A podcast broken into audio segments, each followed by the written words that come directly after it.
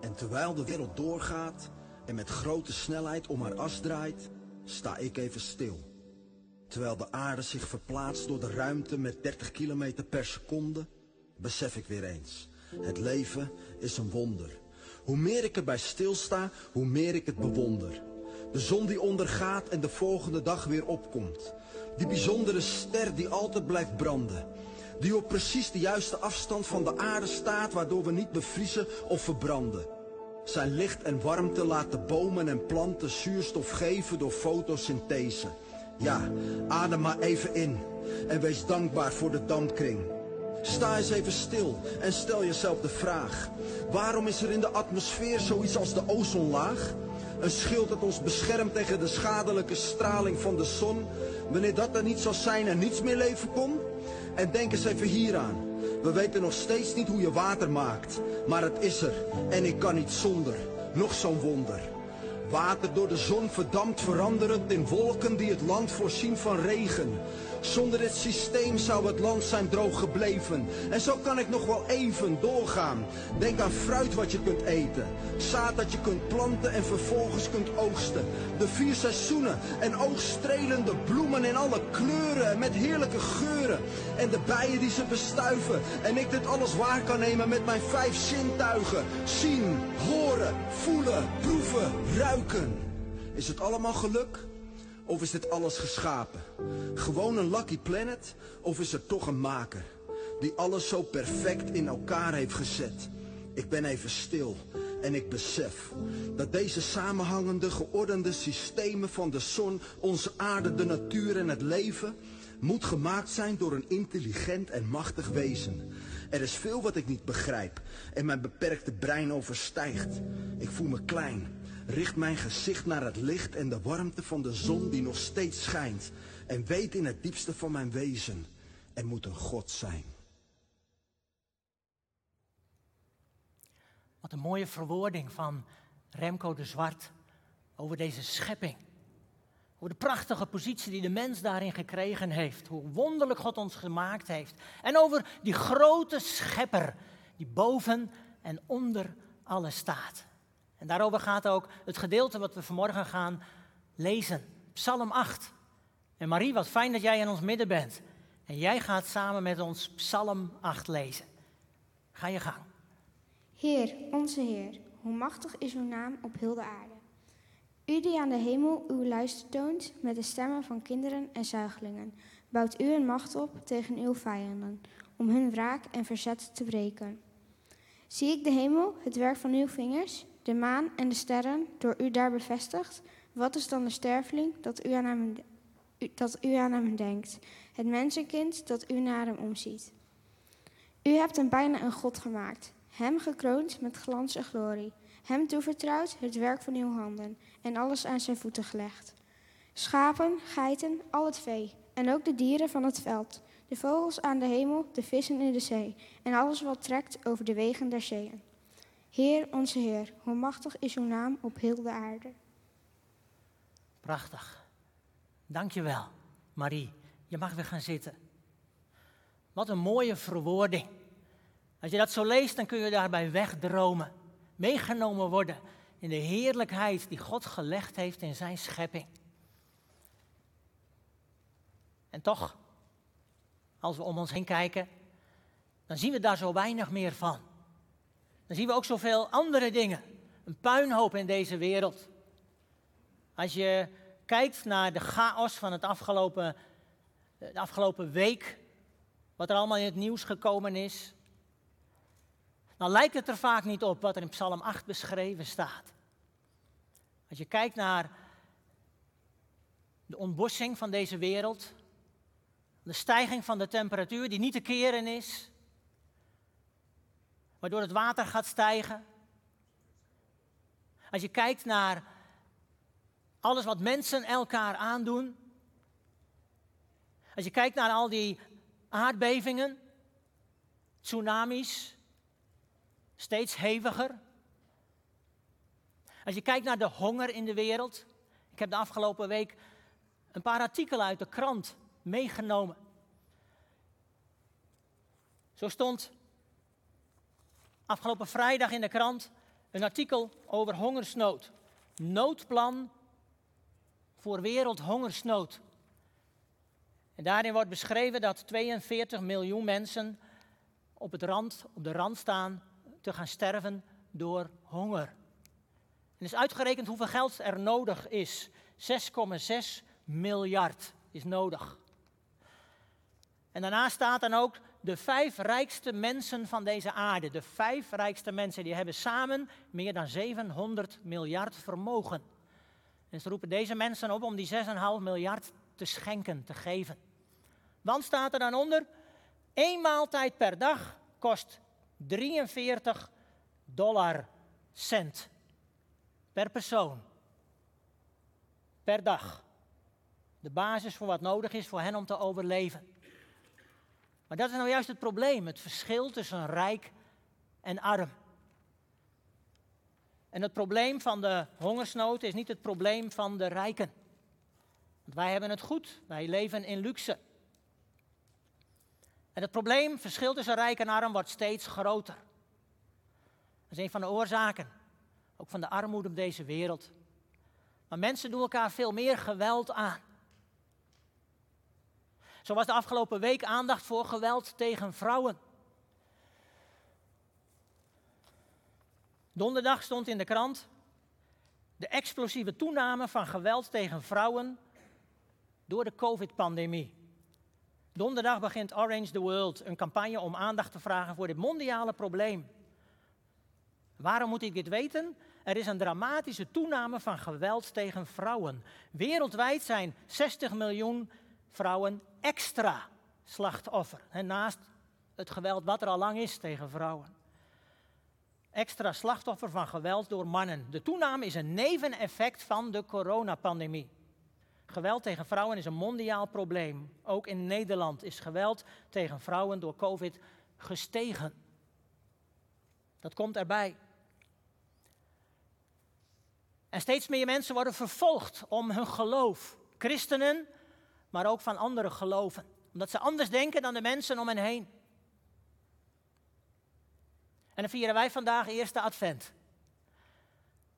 We leven weer toe naar kerstfeest, het feest van het licht. Licht in al deze duisternis waarin we leven. We denken terug aan de eerste komst van de Heer Jezus. Hoe hij kwam om hier op aarde zijn leven te geven. Om zijn leven te geven om ons te kunnen vergeven. Als straf voor de zonde. Om die te dragen aan het kruis.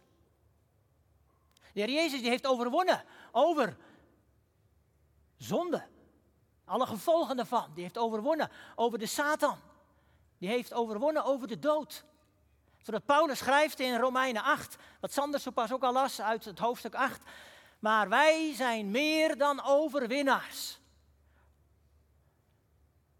We zegenvieren glansrijk, dankzij de overwinning van de Heer Jezus. Nou, laten we eerlijk zijn, die overwinning, dat weten we in ons hart, maar dat ervaren we maar weinig meer tegenwoordig in alles wat er om ons heen gebeurt.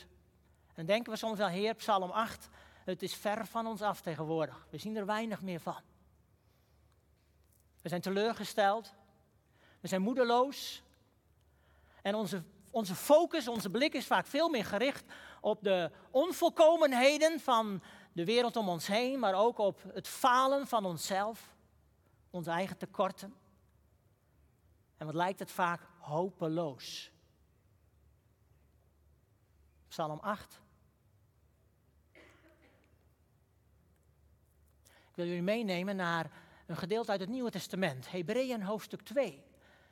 Daar wordt gesproken over Psalm 8, maar vanuit een ander licht wordt daarna gekeken. De Hebreeën die heeft het over de Heer Jezus. Hoe Hij de, uh, uiteindelijk de ultieme openbaring van God is. Maar dat de Heer Jezus ook degene is aan wie deze wereld onderworpen is. Want Hij heeft overwonnen. Hebreeën 2 vanaf vers 5. Welnu, de komende wereld waarover wij hier spreken, heeft Hij niet onder het gezag van engelen gesteld. Hey, de komende wereld, dat is de wereld waar Jezus koning zal zijn. Dat is het vrederijk wat straks komt. Het nieuwe paradijs wat straks aanbreekt hier op aarde als Jezus terugkomt. Advent, we leven daar naartoe, we kijken daar naar uit. De komende wereld. Vers 6. Veel eer geldt dit getuigenis, ooit door iemand afgelegd. En we weten dat is David in Psalm 8, wat we net gelezen hebben. Wat is de mens dat u aan hem denkt? Het mensenkind dat u naar hem omziet. U hebt hem voor korte tijd lager dan de engelen geplaatst. Hé, hey, hier is het anders. Hier is het anders dan Psalm 8. En het komt door de Griekse vertaling van het Oude Testament. Dan kun je op twee manieren vertalen, dit vers. U hebt hem een klein beetje lager dan de engelen geplaatst. Maar je kunt het ook vertalen met: U hebt hem een korte tijd lager, dan de engelen geplaatst. En dat wordt hier benadrukt. U hebt hem met eer en luister gekroond. Alles hebt u aan hem onderworpen. Dan denk je, wacht even, gaat het nou over ons mensen? Of gaat het nou over de Heer Jezus? Of over beide? Vers 8 gaat dan verder. Doordat hij alles aan hem onderworpen heeft, rest er niets dat niet onder zijn gezag is gesteld. Ja, dat stond in Psalm 8 voor ons mensen. Dat alles aan hem onderworpen is, zien wij echter nog niet. Maar wij zien Jezus. Die voor korte tijd lager dan de engelen geplaatst was. En doordat hij mens werd, zijn God zijn achterliet voor een deel en een vergankelijk lichaam aannam als mens die voor korte tijd lager dan de engelen geplaatst was, opdat zijn dood door Gods genade iedereen ten goede zou komen. En dan gaat de hoofdzin weer verder. Wij zien Jezus vanwege zijn lijden en dood nu met eer en luister gekroond. Het is maar net wat je wilt zien. Het is maar net waar je je aandacht op richt. Waar je je hart op richt. Richt je dat op die onvolkomenheden, dat wat wij nog niet zien. Zoveel dingen die niet aan ons onderworpen zijn, waar wij geen raad meer weten. Zoveel wat ons uit de handen is geglipt. De puinhopen van deze wereld. Door de zonde van de mens.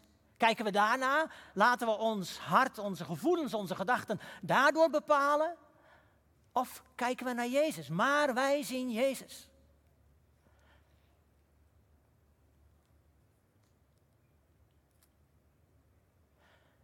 Het was zijn eerste komst dat hij voor een korte tijd mens was.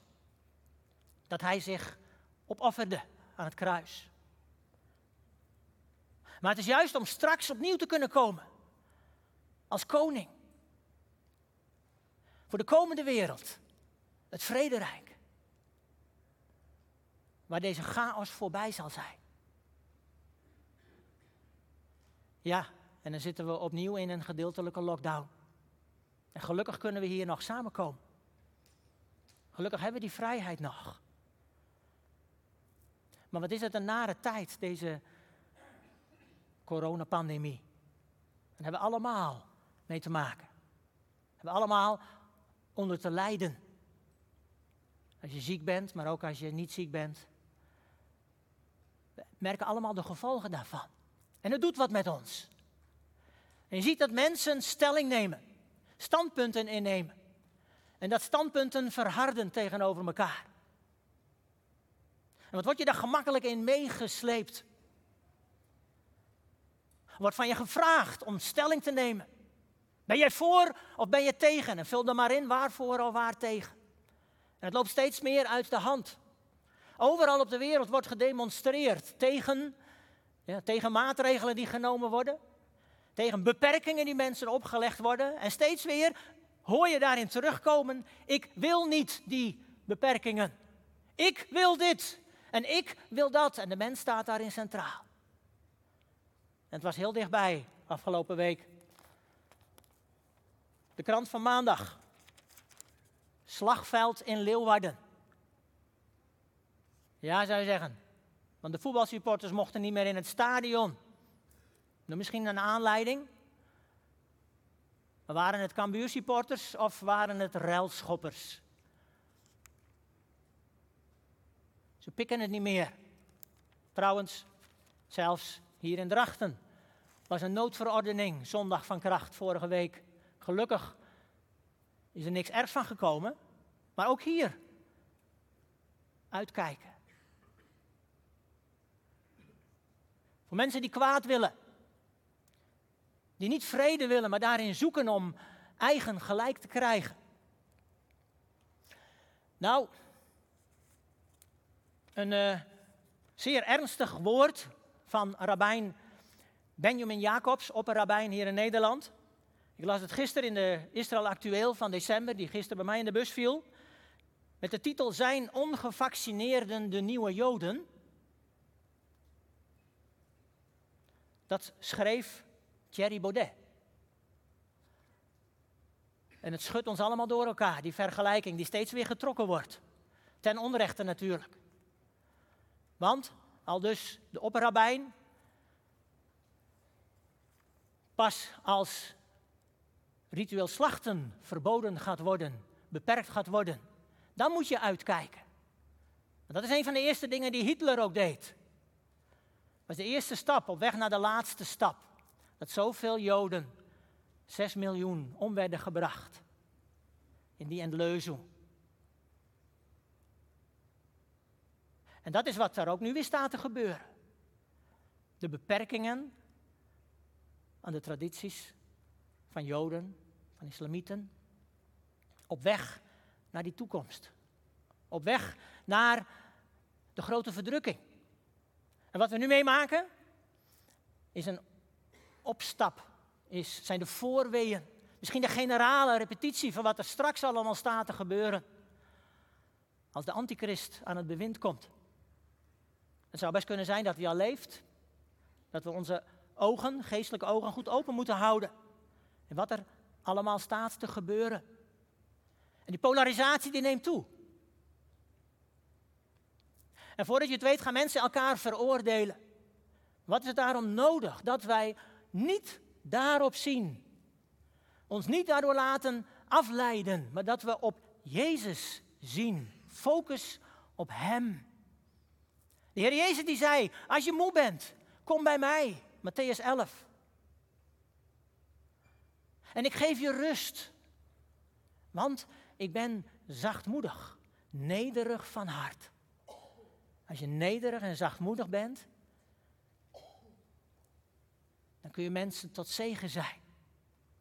Dan komt er geen polarisatie. Als je de Heer Jezus ziet, als je Hem wilt volgen, als je Hem voor ogen houdt, dan gaat de vrucht van de geest in je hart groeien, in je leven groeien. Liefde, voorop, blijdschap, vrede, geduld, vriendelijkheid, goedheid, trouw, zachtmoedigheid, daar heb je hem weer. En zelfbeheersing. Dat kan dan groeien in je leven. Nou, mensen die schrijven hun gedachten, hun leuzen, hun wensen op alle mogelijke plekken, op muren, op balkons, op borden. Gisteren stond dit in de krant. Gevel en straat als podium voor protest. Je kunt van alles lezen onderweg. En rechtsonder vond ik de sterkste. QR verdeelt, liefde verbindt. Kijk, als je dat beseft. Liefde verbindt, de vrucht van de geest. En het geldt natuurlijk net zo goed voor niet-christenen dan voor christenen. Dat is wat we nodig hebben in onze maatschappij. Liefde. De Heer Jezus die kwam niet om te heersen, niet op zijn wil op te leggen aan anderen. Hij kwam, en dat zei hij zelf, hij kwam om te dienen. Lees Galaten 2 er maar op na. Nee, Galaten 6, vers 1 en 2. Wat Paulus zegt, als je ziet dat iemand zondigt, spreekt die persoon er heel vriendelijk op aan. Besef wel dat je zelf ook in zonde kunt vallen. En dan zegt hij direct erachteraan, draag elkaars lasten. Dan gaat het over lasten die mensen hebben doordat ze verkeerde keuzes hebben gemaakt. Dat is vers 1. Veroordeel de ander niet, Maar help die ander om hun last te dragen en om hun zorg en moeite die ze hebben doordat ze misschien verkeerde keuzes hebben gemaakt. Dat ze in de problemen zitten. Help hen. Ondersteun hen. Dat is dienen. Dat is liefde. Dat is zien op Jezus. En dat is wat nodig is. De gebrokenheid van deze wereld kun je ook op een hele, op andere, hele andere manieren persoonlijk ervaren. Ik neem jullie mee naar iemand, een bekende Nederlander, Paul Blokhuis. U ziet hem hier in een vijf pagina groot artikel in de Volkskrant van een paar maanden geleden. Demissionair staatssecretaris van de ChristenUnie. God en Julia, dat was hun dochter. Een dochter die drie jaar geleden op 18-jarige leeftijd stierf door een auto-immuunziekte. En in het hele artikel wordt een bijzonder beeld geschetst van Paul Blokhuis. Zijn strijd, zijn verdriet, maar ook zijn geloof. En wat mooi dat dat in een krant als de Volkskrant staat. Ik lees u een paar dingetjes daaruit. Ik huil elke dag. Nog steeds. Soms vijf minuten, soms tien tellen. En dan weer verder, dan zit hij bij de dokter, de therapeut. En die therapeut zegt: Paul, je gevoel, er is een plaat beton opgelegd. Hoe kun je dat soms ervaren? Die zegt, ja, dat komt waarschijnlijk door mijn verleden, hoe ik opgevoed ben. Geen ruimte voor gevoelens. Herkenbaar, hè? En even later zegt hij, waar was God? Een uitdrukkingsloze blik. God is niet gekomen toen Julia ziek was. Dat klopt. Niet zoals ik had gehoopt. Jezus wekte Lazarus op uit de dood. Dan vraag je je toch af, Jezus, waar bleef u nou? Waar was u nou toen Julia overleed? Waarom? Zo vaak krijgen we daar geen antwoord op. Maar dan zegt Paul verderop in het artikel: Ik zal Julia weer zien. Dat is mijn troost. Dat is dat uitkijken naar dat komende rijk. Dat is je blik niet op de situatie gevestigd houden, maar dat is je blik op de Heer Jezus richten. Dat is leven uit geloof. Natuurlijk is het verdriet er dan, van het gemis. dat mag er zijn. Maar je kijkt over dat verdriet heen naar de toekomst. Dat is Advent. Je kijkt naar de toekomst dat de Heer Jezus terug gaat komen. Dat Hij het paradijs hier zal vestigen. Dat Hij ons vergankelijk lichaam zal verheerlijken, wat nu geplaagd wordt door ziekte of wat dan ook. Dat is je blik vestigen op de Heer Jezus. Focus op Hem. En niet op waar je zelf in tekort schiet. Niet op je eigen falen. Mag je bij Hem brengen? Ach, je kunt veel meer voorbeelden bedenken. Denk aan de Titanic toen die verging. 1911, wat was het? Ruim een eeuw geleden. Het laatste uur voordat de boot zonk, was er een voorganger, een dominee, die stond op het dek. En die riep mensen bij zich, omdat hun laatste uur had geslagen. En hij riep de mensen op om hun aandacht op Jezus te vestigen. Hij las gedeelten voor uit de Bijbel, hij bad met hen, zodat mensen op dat moment nog konden kiezen om bij Jezus te willen horen. En ze wisten over een uur zullen we verdrinken, de meeste van hen. En hij nam de tijd om mensen bij Jezus te brengen, om de focus op Jezus te vestigen. Waar kijk je naar? Naar de verdrinkingsdood die gaat komen of op Jezus? In het dorp waar ik ben opgegroeid, Topmenhuizen, was een gezin wat hun jongen moest missen. Twaalf jaar. En die jongen die had leukemie. Hij is overleden. Op de dag voordat hij stierf, toen hij wist dat het einde zou komen, toen werd hem gevraagd: Ben jij niet bang voor de dood? En toen zei hij: Nee, Want ik weet dat als ik sterf, dan ga ik naar Jezus. Twaalf jaar. En hij is gegaan. Hij is ons voorgegaan. En dat zijn de moeilijke dingen van het leven. Daar hebben we geen antwoord op. Waarom meer? Het is de gebrokenheid waarin we zitten. Maar waar vestig je je aandacht op? Op de gebrokenheid of op Jezus? Hij vestigde zijn aandacht op de Heer Jezus.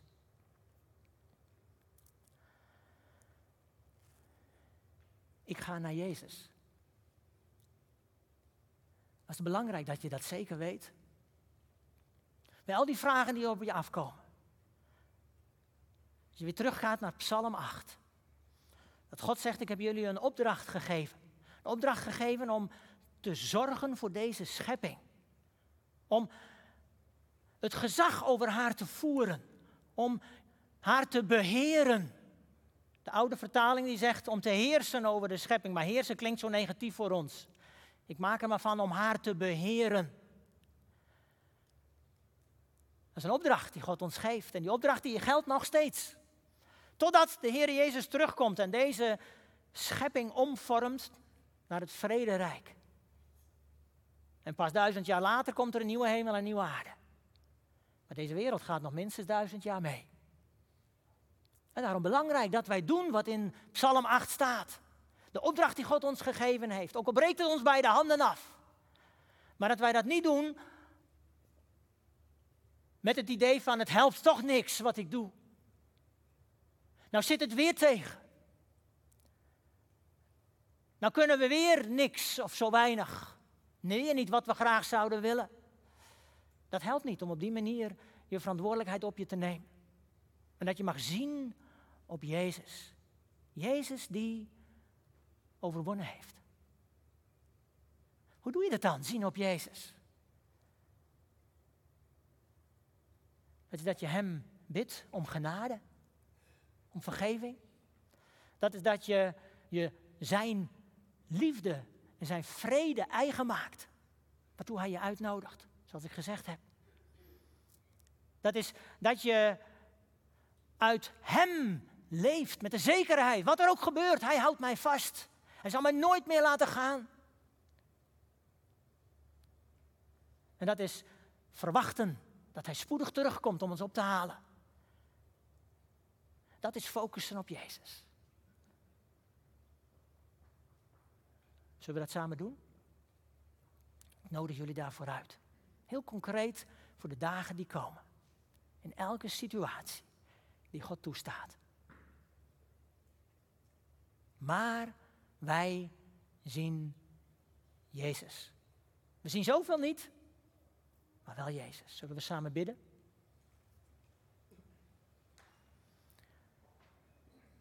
Dank u wel, Heer Jezus, dat u gekomen bent naar deze wereld. Dank u wel dat u uw leven gegeven hebt om ons te verlossen, om ons te redden. Heer, het was een chaos op de wereld toen u kwam. En die chaos is alleen maar veel groter geworden in onze tijd. Maar u heeft uw leven gegeven. U heeft verzoening mogelijk gemaakt. En u nodigt ons uit om bij u te schuilen. Om uw vrede in ons hart op te nemen. Om ons te laten troosten door u. Om uw liefde op te drinken in ons hart.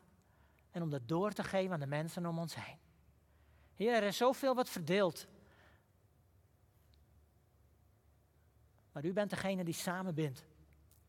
U bent degene die ons geduld, vriendelijkheid en al die andere aspecten van de vrucht van de geest kunt geven.